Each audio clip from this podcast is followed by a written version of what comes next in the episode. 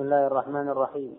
الحمد لله رب العالمين وصلى الله وسلم على عبده ورسوله نبينا محمد وعلى آله وأصحابه أجمعين. قال الناظم محمد بن عبد القوي المرداوي رحمه الله تعالى صون الجوارح بسم الله الرحمن الرحيم. الحمد لله والصلاة والسلام على رسول الله وعلى آله وأصحابه ومن اهتدى بهداه.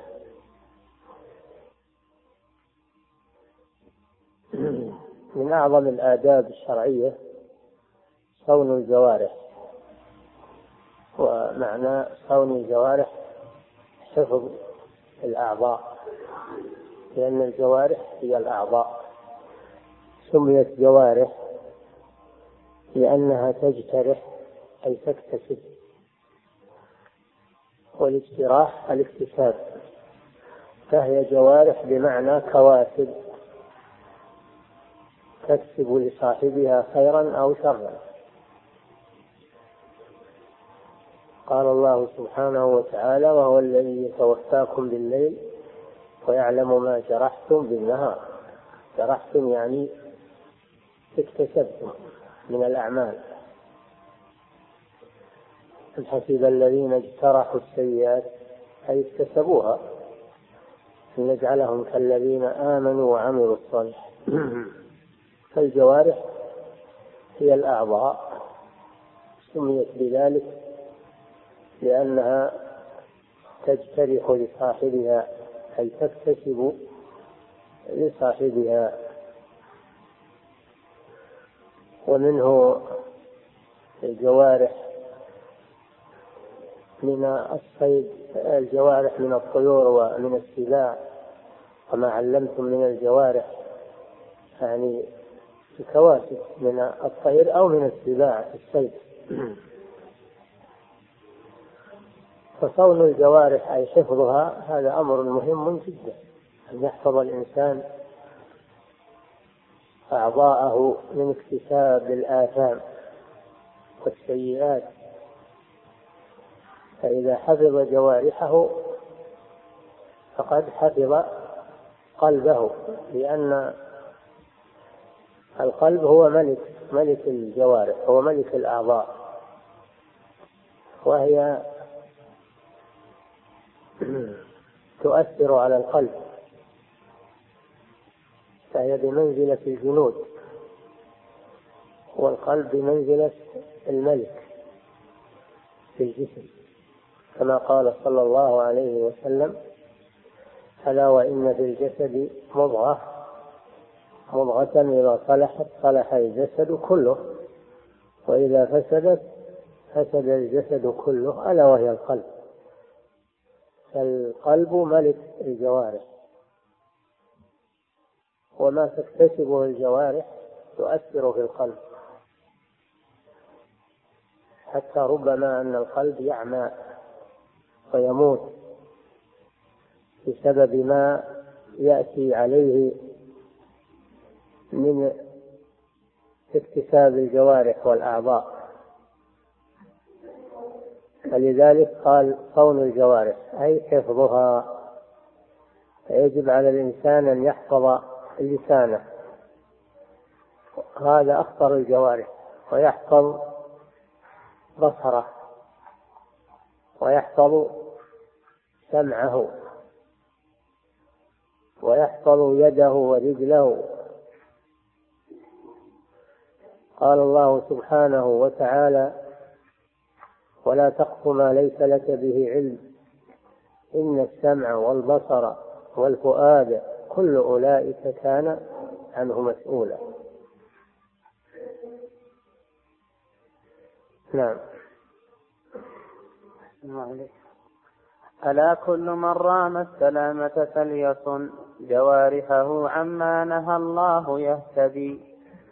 ألا هذه حرف تنبيه. ألا أداة تنبيه. يؤتى بها للتنبيه ألا إن أولياء الله لا خوف عليهم. ألا إنهم هم المفسدون. قال في المنافقين ألا إنهم هم المفسدون.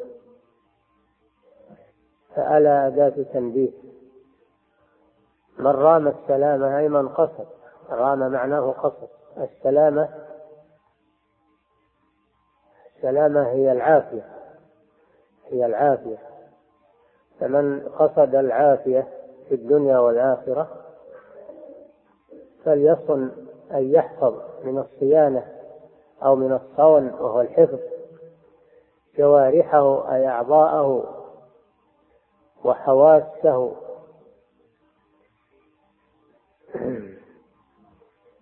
فإذا فإذا أنت تريد العافية في الدنيا والآخرة فاحفظ جوارحك. وإذا أهملت جوارحك فإنها تعطبك وتهلكك. نعم ألا؟ ألا كل من رام السلامة فليصن. جوارحه عما نهى الله يهتدي عما نهى الله عنه. يصونها عن أي شيء؟ عما نهى الله عنه. الله جل وعلا نهى عن المعاصي وعن الفواحش وعن كل ما يضر الإنسان. قد نهى الله عنه من الأعمال والأقوال والمكاسب و ينهى عن الفحشاء والمنكر والبغي يعظكم لعلكم تذكرون. فكل ما يضر الإنسان في دينه ودنياه فقد نهى الله عنه. والنهي معناه طلب الكف عن الشيء. طلب الكف عن الشيء هذا هو النهي. والنهي الأصل فيه أنه للتحريم. فما نهى الله عنه أو نهى عنه رسوله صلى الله عليه وسلم فإنه حرام. إلا إذا دل الدليل على أنه للكراهة كراهة التنزيه. فإذا دل الدليل على أن النهي للكراهة كراهة التنزيه يعني يعني ترك ترك الشيء من باب الأولى والاحتياط هذه كراهة تنزيه إذا نهى عن شيء من باب الاحتياط والورع فهذا من باب التنزيه. نعم. يكب الفتى في النار حفظ لسانه فحافظ على ضبط اللسان وقيدي لما لما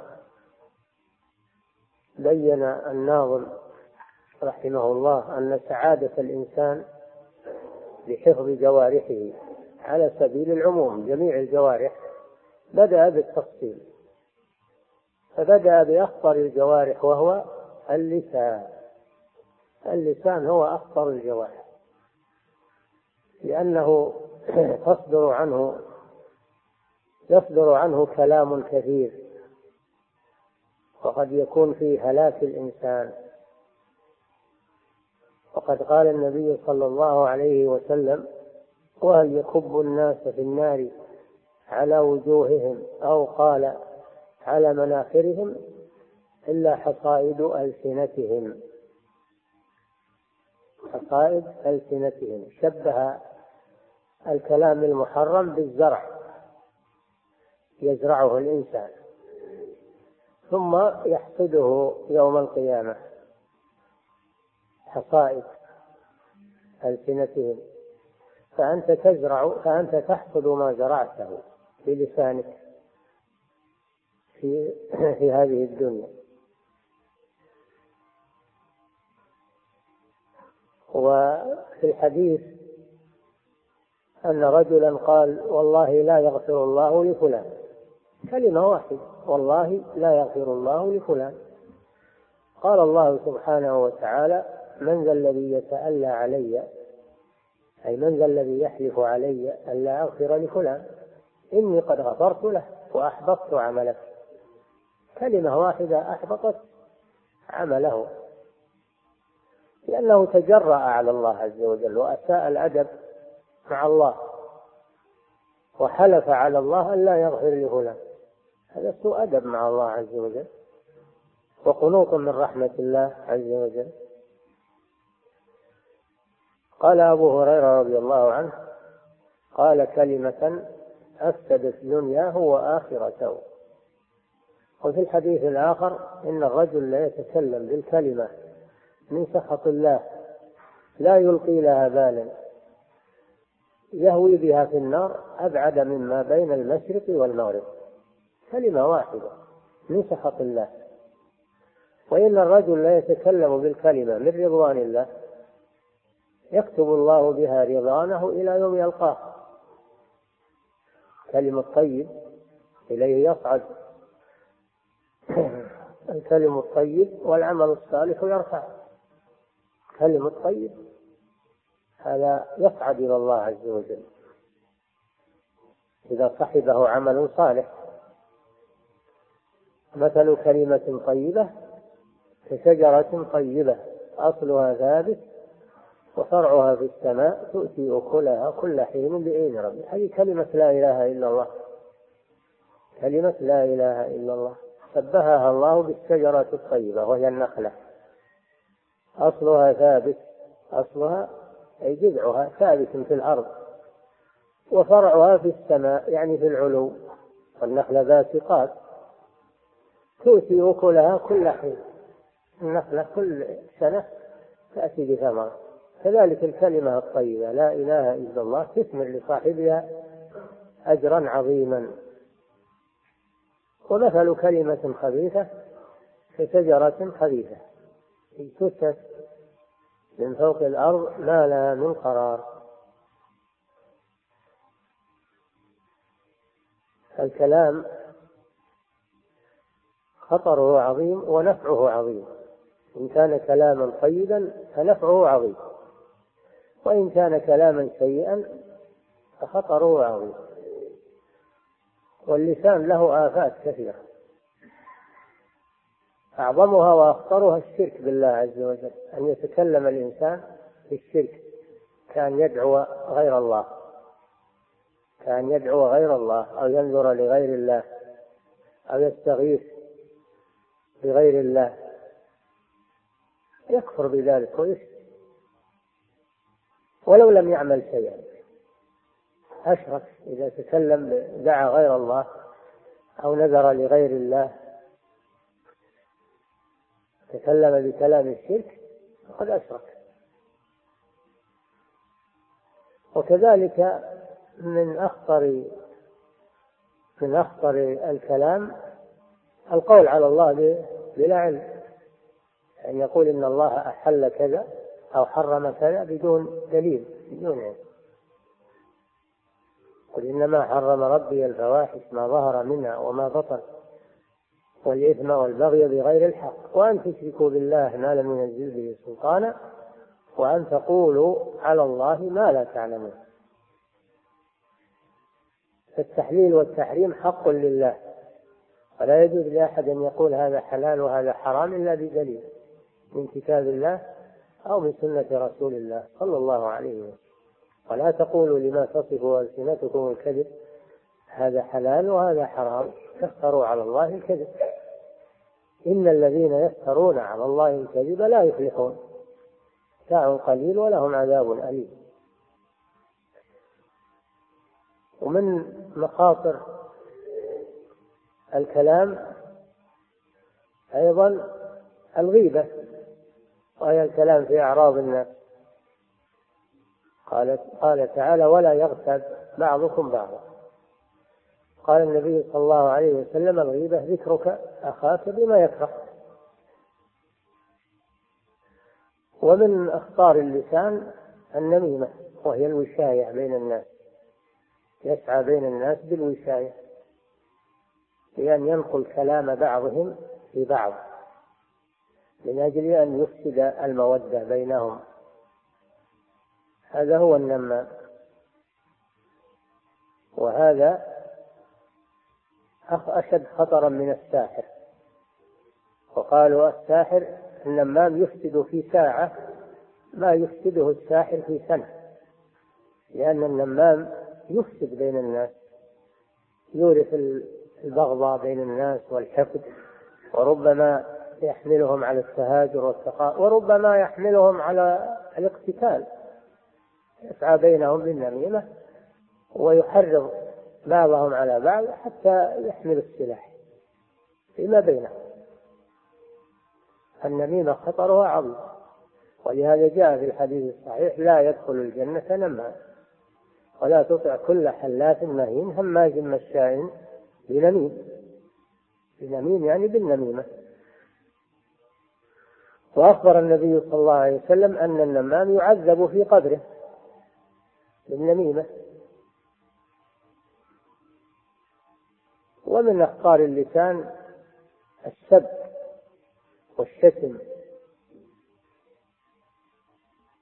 والكلام الباطل. هذا من آفات اللسان. كان يقول في, في, في أحد يا خبيث يا كذا يا كذا يا كافر يا فاسق. قد أخبر صلى الله عليه وسلم أنه إذا قال هذه الكلمات في حق أحد فإن كان الذي قيلت فيه يستحقها وإلا رجعت على قائلها. رجعت هذه الكلمات على قائلها. كذلك اللعن. كأن يلعن الناس أو يلعن الدواب أو يلعن البقاع أو يعود نفسه اللعن. ليس المسلم في الطعان ولا باللعان. ولعن المؤمن كقتله كما صح في الحديث. فمن لعن مؤمنا فهو كمن قتله في الإثم. لأن اللعن معناه الدعاء عليه بطرد من رحمة الله عز وجل. قال صلى الله عليه وسلم لعن المسلم كقتله. قتل المسلم خطير جدا عليه وعيد شديد. لعنه مثل قتله في الإثم. ومن آفات اللسان شهادة الزور والأيمان الكاذبة. شهادة الزور والأيمان الكاذبة. ومن آفات اللسان الكذب. أن الإنسان يحدث ويكذب. هذا من علامات النفاق. فإن المنافق إذا حدث كذب. بعض الناس لا يتحاشى من الكذب. وهو الإخبار عن خلاف الواقع. كان يقول إن فلان جاء أو فلان فعل كذا أو وهو كذاب. لم يحصل شيء من هذا. الكذب هو الإخبار بخلاف الواقع. فآفات اللسان كثيرة. ولذلك بدأ بها الناظم لأن اللسان هو أخطر الجوارح. قد قال النبي صلى الله عليه وسلم من يضمن لي ما بين لحييه وبين رجليه أضمن له الجنة. يضمن ما بين لحييه وهو اللسان وما بين رجليه وهو فرجه. يحفظه من الفاحشة. يضمن له الرسول صلى الله عليه وسلم الجنة.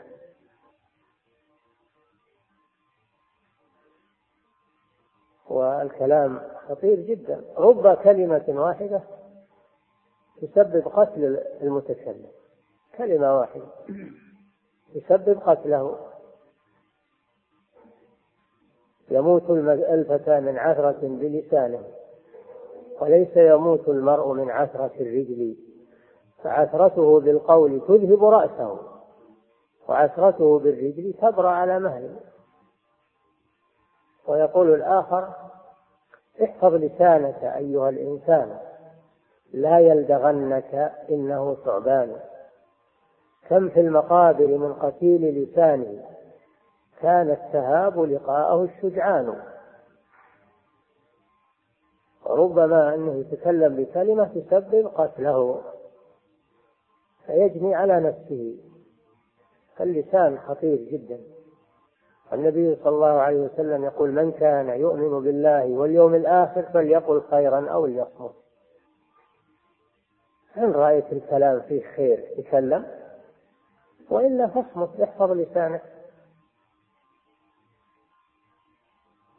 وإما أن تقول خيرا فتغنم أو تسكت عن شر فتسلم. فأمسك لسانك. النبي صلى الله عليه وسلم لما ذكر لما ذكر أسباب النجاة وأسباب دخول الجنة أشار إلى لسانه صلى الله عليه وسلم وقال ألا أخبرك بملاك ذلك كله؟ قال بلى يا رسول الله. قال أمسك عليك هذا أي اللسان. فقد يعمل الإنسان أعمالا صالحة ثم يحصدها بلسانه. يحصدها بلسانه. فيكون كلامه يحبط أعماله. الشرك يحبط الأعمال. وظلم الناس إذا تكلم فيهم يأخذ أعماله لهم. يأخذ أعماله الصالحة لمن تكلم فيهم. فيكونون غرما له يوم القيامة. يأخذون من حسنات وربما يذهبون بكل حسناته ولا يبقى له شيء. فآفة اللسان خطيرة جدا جدا. على الإنسان أنه يحفظ لسانه. أول شيء يجب عليه حفظ اللسان. نعم.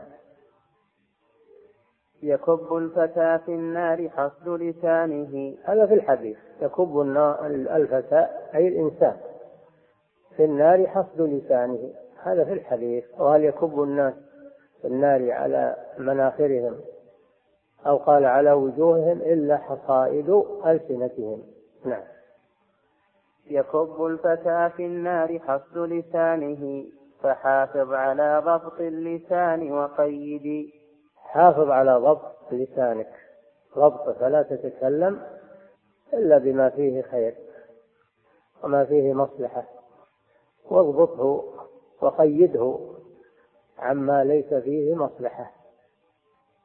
ويقولون إن اللسان مثل الكلب العقور مثل الكلب العقور. إذا لم تربطه وتوثقه فإنه يعقر الناس و يجتري على الناس. نعم.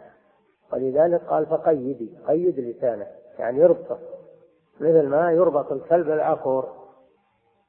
نعم فضول الكلام ارفض فلا تك مكثرا.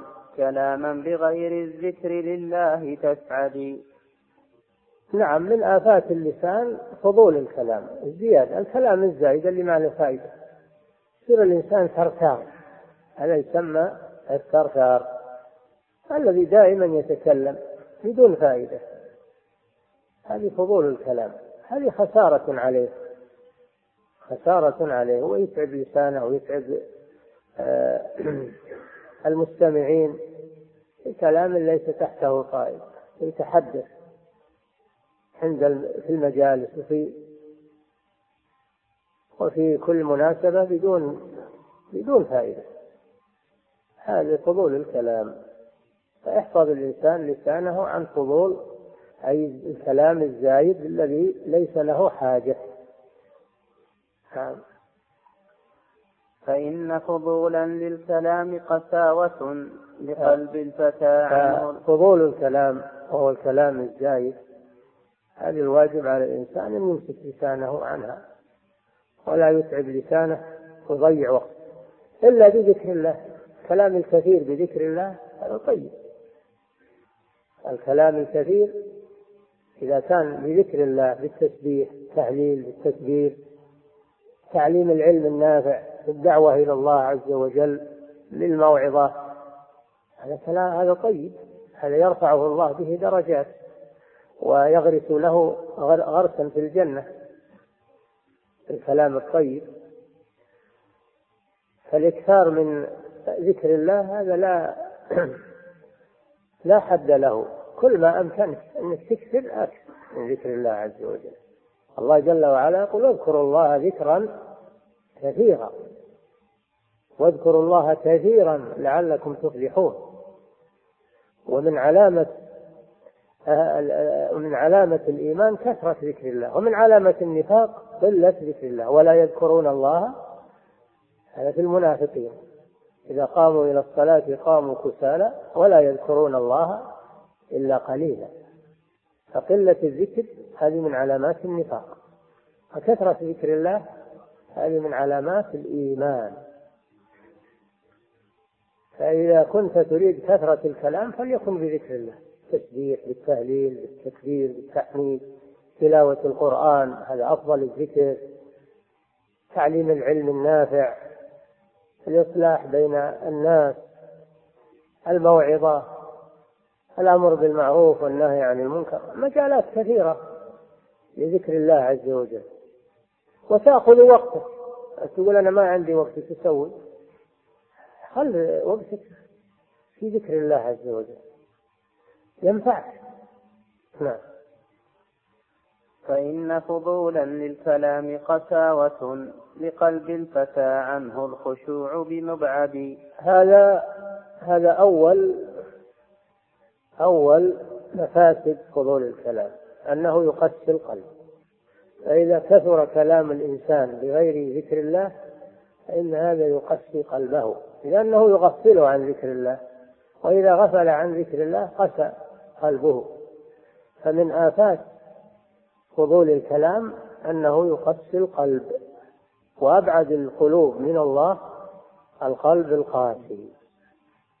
الذي لا يلين بذكر الله سبحانه وتعالى. ألم يأن للذين آمنوا أن تخشع قلوبهم لذكر الله وما نزل من الحق ولا يكونوا كالذين من قبل فقد أوتوا ولا يكونوا كالذين أوتوا الكتاب من قبل فقست فطال عليهم الأمد فقست قلوبهم وكثير منهم فاسقون. قست قلوب. ثم قست قلوبكم من بعد ذلك فهي كالحجارة أو أشد قسوة. فيقسو القلب يقسو هو لحمة لحمة لينة لكنه يقسو يقسو حتى يكون أشد قسوة من الحجر. هذا بنص القرآن. ثم قست قلوبكم من بعد ذلك. بعد ما رأى بنو إسرائيل العبرة في إحياء الميت في إحياء القتيل بعد ما رأوا العبرة في إحياء القتيل بضربه بجزء من البقرة رأوا العبرة التي تلين القلوب ما استفادوا من هذا. ثم قست قلوبكم من بعد ذلك. فهي كالحجارة. أو أشد قسوة. أشد قسوة من الحجارة. وإن من الحجارة لما يتفجر منه الأنهار وإن منها لما يشقق فيخرج منه الماء. وإن منها لما يهبط من خشية الله. نعم. فإن فضولا للكلام قساوة لقلب الفتى عنه الخشوع بمبعد. إي نعم فإذا أردت أن يلين قلبك فاترك فضول الكلام. واشغل وقتك بذكر الله عز وجل فإن ذلك يلين القلب. نعم. فتردي بقائلها إلى النار كلمة وإرسال طرف الف. ترضي بقائلها إلى النار كلمة كلمة واحدة كما سمعتم. الرجل الذي قال والله لا يغفر الله لهولا أحبطت عمله. والرجل يتكلم بالكلمة من سخط الله لا يلقي لها بالا يهوي بها في النار. أبعد مما بين المشرق والمغرب. في الحديث الآخر يكتب الله له سخطه سخطه عليه إلى يوم يلقاه. كلمة واحدة. نعم. فكيف بالكلام الكثير إذا كانت هذه كلمة واحدة هذا مفعولها فكيف بالكلام الكثير من سخط الله عز وجل؟ نعم. فتردي بقائلها إلى النار كلمة وإرسال طرف المرء أنكى فقيدي. نعم. لما فرغ من ذكر آفات اللسان انتقل إلى آفات النظر. آفات النظر. والنظر خلقه الله نعمة للإنسان. البصر نعمة للإنسان. يبصر به ما ينفعه في دنياه وآخرته وهو من أكبر نعم الله عز وجل. فإذا استعمله فيما يسخط الله صار ضررا عليه. صار ضررا عليه. وذلك بأن ينظر فيه إلى ما حرم الله النظر إليه. قال الله جل وعلا قل للمؤمنين يغضوا من أبصارهم ويحفظوا ويحفظوا فروجهم. فغض البصر سبب لحفظ الفرج. وإرسال البصر سبب لفساد الفرج. فإذا أردت أن تحفظ فرجك من الفاحشة فغض بصرك. وإذا تركت لبصرك الحرية في النظر فيما حرم الله فإنه سيجرك إلى الفاحشة. كل الحوادث مبداها من النظر ومعظم النار من مستصغر الشرر. لا نظرة فعلت بقلب صاحبها. فعل السهام بلا قوس ولا وتر. يسر ناظره ما ساء خاطره. لا مرحبا بسرور عاد بالضرر. فالحوادث مبداها من النظر يعني وقوع الفواحش سببها النظر. ولو أن الإنسان غض بصره لسلم من الوقوع في الفاحش ولذلك بدأ الله به قال قل للمؤمنين يغضوا من أبصارهم ويحفظوا فروجهم. ذلك أزكى لهم. إن الله خبير بما يصنعون. وقل للمؤمنات يغضضن من أبصارهن ويحفظن فروجهن. فغض البصر فغض البصر معناه معناه إن الإنسان يكف بصره عن ما يطلق ما قال غمض بصرك الله لم يأمر بغمض العينين. لأنك بحاجة إلى أن تفتح عينيك للطريق والنظر فيما تحتاج إليه. لم يأمرك بتغميض العينين ولا بعصب العينين وإنما أمرك بغض البصر فقط.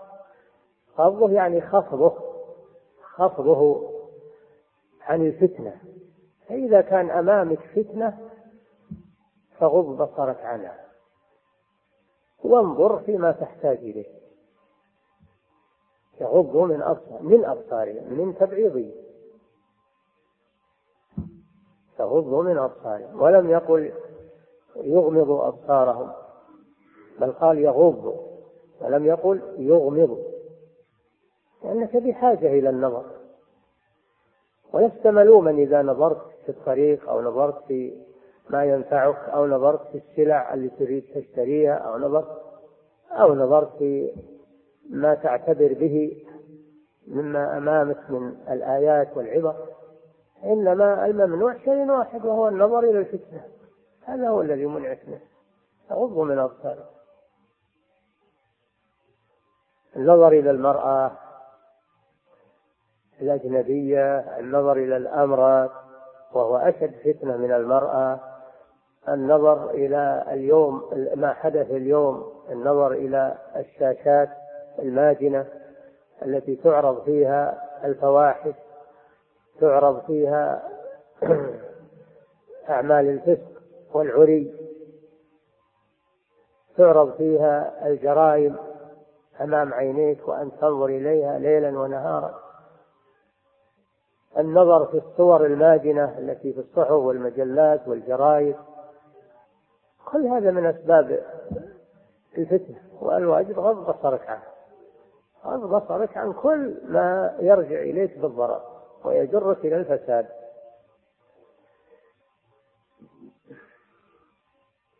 فالنظر هو مبدأ كل الحوادث مبدأها من النظر هو مبدأ الشر. نعم. وطرف الفتى يا صاح رائد فرجه ومتعبه فاغضبه ما استطعت تهتدي. نعم. وطرف الفتى يا صاح رائد فرجه. طرف الفتى يعني بصر طرف الطرف هو البصر. رائد فرجه رائد فرجه. الرائد هو الذي يرسل الذي يرسله الأعراب إلى أن ينظر في المرعى في المرعى. القبائل ترسل آه، رجلا منها يرتاد لها المراعي الخصبة هذه يسمى الرائد ويقولون الرائد لا يكذب أهله. فالبصر كذلك هو رائد للفرج يرسله الفرج لأجل أن ينظر في الفتنة. فهو رائد الفرج مثل الرائد مثل رائد المرعى. الذي يذهب ويشوف الفلاس يشوف المرأة ثم يرجع إلى قومه ويقول لهم المحل الفلاني فيه عشب. يذهبون إليه. فالبصر كذلك هو الرائي للفرد. نعم. وطرف الفتى يا صاحي رائد يا صاحي يا صاحي أصله يا صاحبي. خففه لأجل النظم أصله يا صاحبي. وهذا يسمونه بالترخيم. ترخيم وهو حد بعض المنادى. تخفيفا. نعم. مثل يا مالك يقول يا مالي. مالي يعني يا مالك. آه، ترخيم يسمونه. نعم. وطرف الفتى يا صاح رائد فرجه ومتعبه فاغضبه ما استطعت تهتدي. ومتعب للفرج أيضا. الرائد هذا اللي هو البصر يتعب الفرج يعني يوقعه فيما يضره. يوقعه فيما يضره وما يعذبه. والزنا والعياذ بالله من أكبر الفواحش ولا تقربوا الزنا. إنه كان فاحشة وساء سبيلا فاحشة. والفاحشة هي المعصية المتناهية في القبح. الفاحشة هي المعصية المتناهية في القبح. فالزنا معصية متناهية في القبح. إنه كان فاحشة أي متناهيا في القبح وساء سبيلا طريقا لأن الزنا يحدث آفات في المجتمع. الزنا خطير يحدث آفات في المجتمع. أولها ضياع الفروج والعياذ بالله. ضياع الفروج وذهاب الكرامة. والعفة. وثانيا ضياع الأنساب لأن الله جل وعلا جعل الزواج حفظا للنسب والأولاد. والنسل الزنا سفاح سمى بالسفاح لأنه يذهب لا بلا فائدة ويأتي منه أولاد ليس لهم آباء يضيعون في المجتمع. فهو ضياع للأنساب وإهدار للكرامة الإنسانية. وكم ترون ما يكون على اللقطة من الإهانة في المجتمع؟ ونظرة الناس إليهم. وهم يتضايقون. وهم ليس لهم ذنب. هم ليس لهم ذنب. الذي جنى عليهم هو المجرم الزاني ضيعهم والعياذ بالله. وربما يجرهم هذا إلى الانتحار. يضايقون في المجتمع نظرة المجتمع إليه يضايقون فربما يؤدي بهم إلى الانتحار المضايقة التي هذا من مفاسد الزنا. وأما ولد النسب يجدونه كريما مشرفا في المجتمع ومحترما في المجتمع الذي هو من نكاح صحيح. فتجدون له حرمته وله مكانته وله قيمته في المجتمع. هذه من فوائد النكاح الشرعي. والسفاح فيه ضياع الأنساب وكثرة اللقطاء الذين ليس لهم آباء ولا قبيلة ولا أحد. ومن مفاسد الزنا أنه يجلب الأمراض الخطيرة وهذا شيء وقع الآن مصداقه. ما وقع الآن مرض الإيدز ومرض فقد المناعة اللي الآن تشكو منه الدول. الدول تشكو من من مرض فقد المناعة والعياذ بالله. الذي يصبح المصاب به لا هو حي ولا ميت بل لو يموت كان أحسن له. يعزلونهم الآن يعزلونهم عن المجتمع. يصبحون في حسرة بسبب أنهم أهدروا فروجهم والعياذ بالله. في الزنا واللواط والفواحش فأصيبوا بهذا المرض. والمصيبة أنه ما يقتصر عليهم هذا المرض ينتقل إلى الأبرياء المصيبة أنه ينتقل إلى الأبرياء بالعدوى كما هو معروف عند الأطباء فالعالم الآن يشكو من فقد المناعة مرض فقد المناعة والإيد. وهذا مصداق قوله تعالى إنه كان فاحشة وساء سبيلا. ولذلك جعل الله جعل الله للحماية من الزنا أسبابا كثيرة. شد الطرق التي تفضي إلى الزنا كلها أولا أمر بغض البصر لأن لأن البصر وسيلة من وسائل الزنا. فقال قل للمؤمنين يغضوا من أبصارهم ويحفظوا فروجهم. فغض البصر سبب لحفظ الفرج. والله جل وعلا يقول يعلم خائنة الأعين وما تخفي الصدور. ما هي خائنة الأعين؟ هي التي تسارق النظر إلى ما حرم الله. إذا كان عند الناس شاف الناس ينظرون إليه غض بصره. فإذا رآهم غفلوا سارق النظر إلى الحرام. هذه خائنة الأعين. هذه خائنة الأعين. الله يعلمها سبحانه وتعالى. يعلم خائنة الأعين وما تخفي الصدور. فهذا من أسباب حفظ الفرج غض البصر. ثانيا الحجاب. الحجاب سبب للوقاية من الفاحش. وقل للمؤمنات يغضبن من أبصارهن ويحفظن فروجهن ولا يبدين زينتهن إلا لبعولتهن ولا يبدين زينتهن إلا ما ظهر منها وليضربن بخمرهن على جيوبهن ولا يبدين زينتهن إلا ما ظهر منها.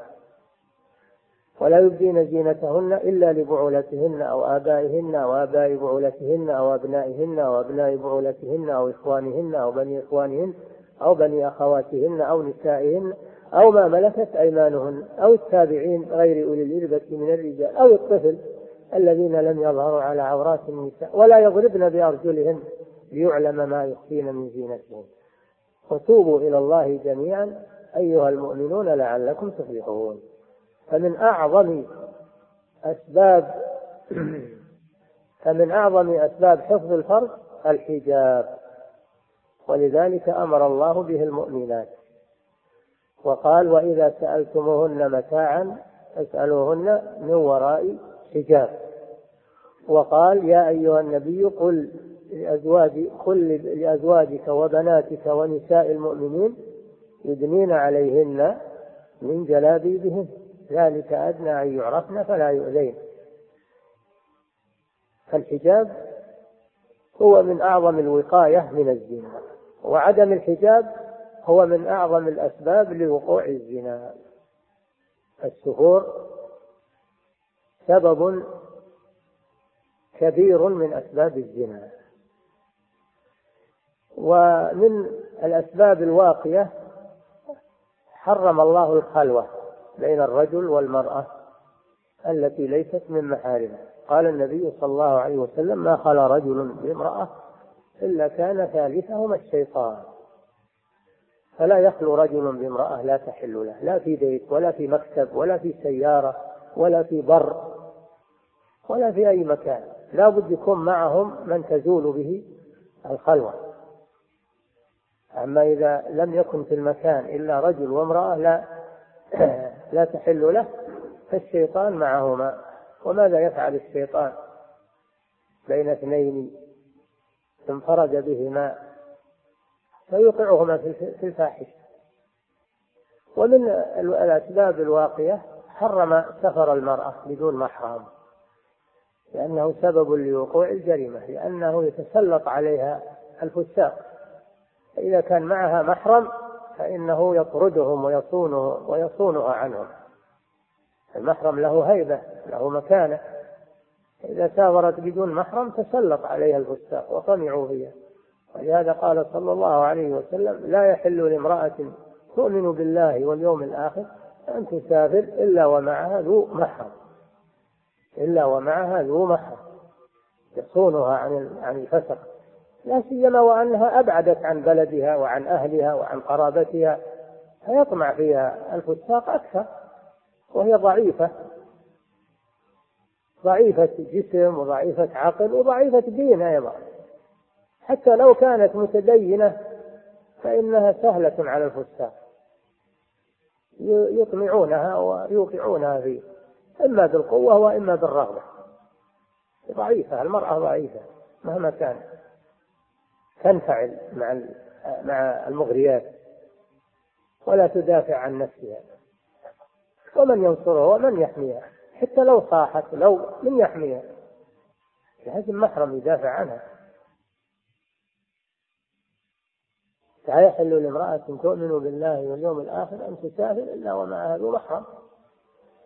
هذا كله وقاية وقاية من الفاحشة. غض البصر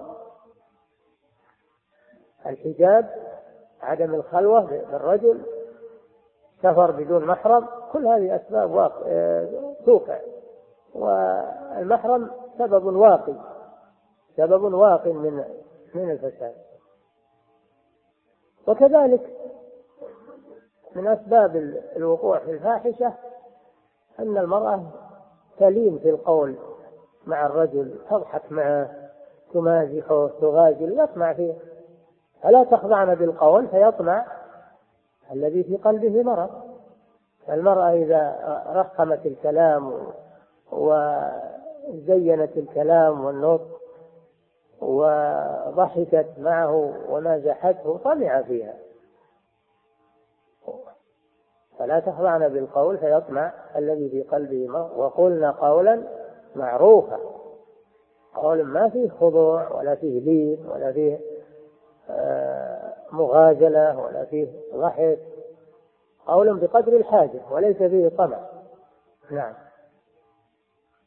فمن مد قرطا وكذلك من أسباب الفاحشة وقوع الفاحشة التبرج. التبرج وهو ظهور المرأة بزينتها في الشوارع وفي الأسواق تتزين هذا هو التبرج. التبرج هو التزين. هو التزين. نهيت المرأة عند الخروج أنه تخرج متزينة متعطرة. هذا هو التبرج لأنه يطمع فيها الفساق. يطمعهم فيها إذا رأوها متزينة ومتعطرة. ولا تبرجن تبرج الجاهلية الأولى. هذا من أسباب الوقوع في الفاحشة. تجدون أن أن الإسلام سد الطرق كلها التي تفضي إلى الفاحشة. مما يدل على خطورة هذه الفاحشة وهي الزنا. وأعظم أسبابها وأول أسبابها النظر. ولهذا بدأ الله به. فقال قل للمؤمنين يغضوا من أبصارهم ويحفظوا فروجهم. نعم. فمن مد طرفا أو زنا يزني أهله. نعم. وطرف الفتى يا صاح رائد فرجه. ومتعبه فاغضبه ما استطعت تهتدي.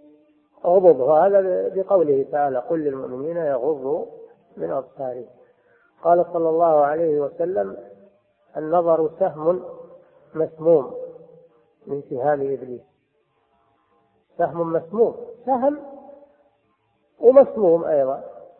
السهم معناه الذي يخرق الجلد ويخرق اللحم الرمية القبيحة. وأيضا هو مسموم يقتل الإنسان. ما هو بيجرحه فقط بل يقتله لأنه مسموم. سهم مسموم من سهام إبليس. هذا وصف ثالث له. وصفه بأنه سهم. ووصفه بأنه مسموم ووصفه بأنه من سهام إبليس. قد تقول أنا ما أنا وش أسوي؟ أنا إذا طلعت يقع نظري على امرأة. الشارع مليان حريم والسوق مليان حريم بيقع نظري. بدون قصد. نقول النظرة الأولى هذه ما عليك فيها. هذا الرسول صلى الله عليه وسلم يقول إنما لك الأولى وليست لك الثانية. قال يا علي لا تتبع النظرة النظرة فإنما لك الأولى وليست لك الثانية. فإذا وقع بصرك على امرأة من غير قصد فلا تؤاخذ على هذا. أما إذا تابعت النظر نظرت إليها مرة ثانية هذه هي المحرمة وهي الممنوعة لأنها بقصد لك الأولى يعني معفو عنها وليست لك الثانية. نعم. فمن مد طرفا أو زنى يزني أهله فعف يعف قاله خير مرشدي. أنت إذا نظرت إلى محارم الناس نظروا إلى محارم عقوبة. إذا نظرت إلى محارم الناس فإن الناس ينظرون إلى محارمك لأنك انتهكت حرماتهم فينتهكون حرمتك. وأشد من ذلك والعياذ بالله إذا فعلت الفاحشة بنساء الناس يفعلون الفاحشة بنساء. عقوبة. من زنى يزني أهله. فعف يعف. من عف عف أهله. ومن زنى زنى أهله. من زنى زنى أهله. النبي صلى الله عليه وسلم كان جالسا في أصحابه. فجاءه شاب قوي وقال يا رسول الله أريد أريد منك أن ترخص لي في الزنا. أريد منك أن ترخص لي في الزنا. فغضب الصحابة وأرادوا أن يبطشوا بالرجل فقال له النبي صلى الله عليه وسلم دعوه ثم دعاه وأجلسه إلى جنبه. فقال يا فلان أترضاه أترضاه لأمك؟ قال لا. لأبي أنت وأمي. قال أترضاه لزوجتك؟ قال لا. لأبي أنت وأمي. قال أترضاه لأختك؟ قال لا. لأبي أنت وأمي. قال فإن الناس لا يرضونه لأمهاتهم وزوجاتهم وبناتهم. فقام الرجل تائبا وأثر فيه كلام رسول الله صلى الله عليه وسلم وصار الزنا أبغض إليه من كل شيء. من كل شيء. فإذا كان الرجل لا يرضى الزنا لأهله فكيف يرضاه هو لنساء الناس؟ وإذا وقع في نساء الناس وقعوا في أهله. عقوبة له. نعم. فمن عف تقوى عن محارم غيره يصن أهله حقا وإن يزن يفسد. نعم. إذا عف عف أهله وإن زنى يزني أهله. لأنهم إذا رأوه هو يزني اقتدوا به وقالوا ما دام أنه كذا الأمر سهل. فيقتدون به ويقعون. يصير قدوة قدوة سيئة. أما إذا كان تقيا عفيفا فإنهم يقتدون به ويهابونه. نعم. فلو لم يكن فعل الزنا كبيرة ولم يخش من عقباه ذو اللب في غد لكان جديرا أن يصون حريمه بهجر الزنا خوف القصاص كما ابتدي.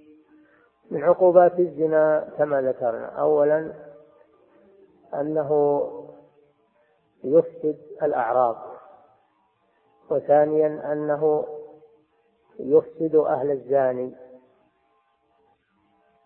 عقوبة له وثالثا أنه يهدر النسل ويضيع النسل ورابعا أنه يجلب الأمراض في المجتمع وهذا شيء شاهده الآن معروف.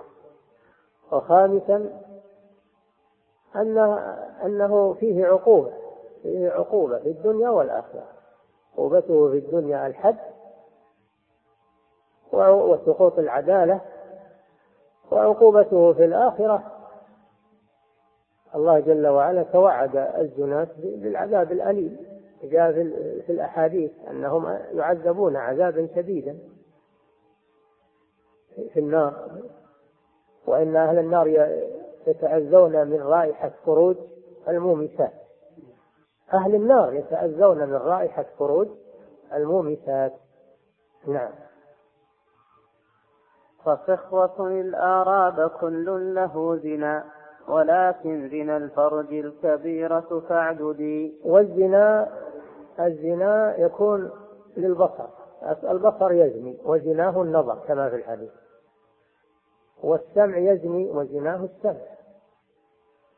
والعين تزني وزناها السمع. والبصر يزني وزناه النظر.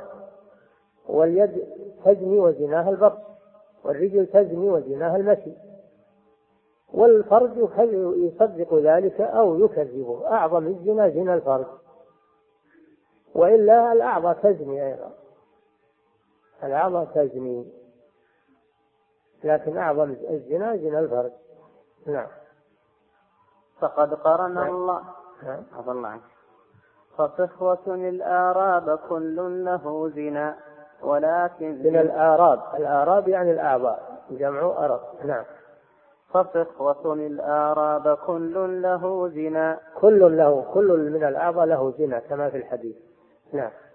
ولكن زنا الفرج الكبيرة فاعددي أعظم الزنا زنا الفرج. نعم.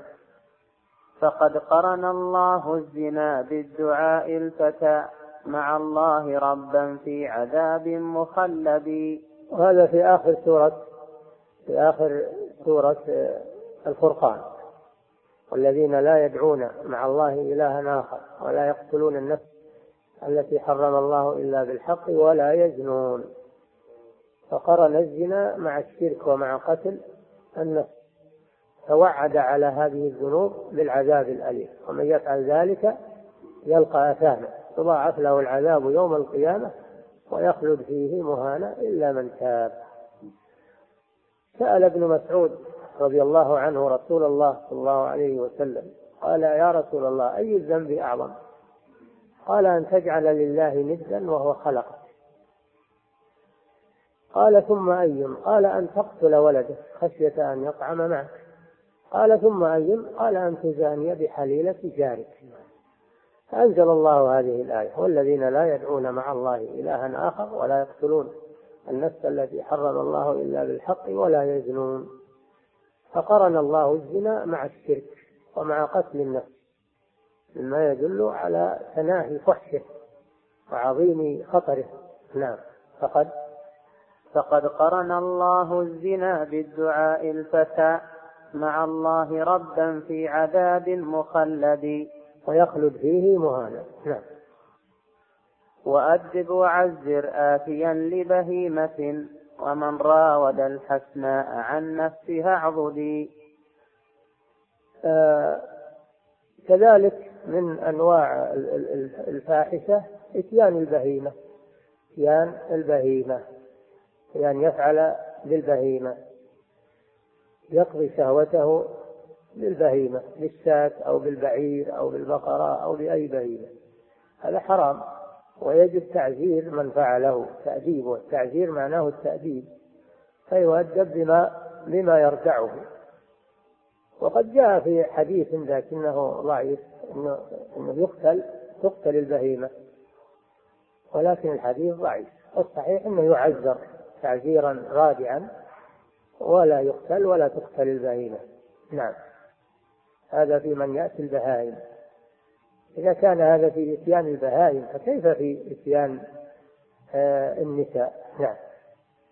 وأدب وعزر آتيا لبهيمة ومن راود الحسناء عن نفسها اعضدي نعم. نعم. إذا قتلته بانتفاء ضمانه. نعم. وأدب وعزر آتيا لبهيمة. هذا فرغنا منه. نعم. ومن راود الحسناء عن نفسها اعضدي نعم إذا قتلته بانتفاء قتلت. إذا قتلت إذا قتلته بانتفاء ضمانه. نعم. يقول اعضد وأيد القول بأن من اعتدى على فتاة يراودها عن نفسها فدافعت بقتله أنه ليس عليها ضمان. يقول هذا هو القول الصحيح. اعضد هذا هو القول الصحيح. لأنها قتلته دفاعا عن نفسها فليس عليها ضمان؟ ومن العلماء من يقول عليها ضمان لأن هذا قتل نفس. نعم. ولكنه يقول اعبد هذا القول. ومن؟ ومن راود الحسناء عن نفسها اعبدي إذا قتلته بانتفاء ضمانه ومن ير مع زوج فتى فيجردي.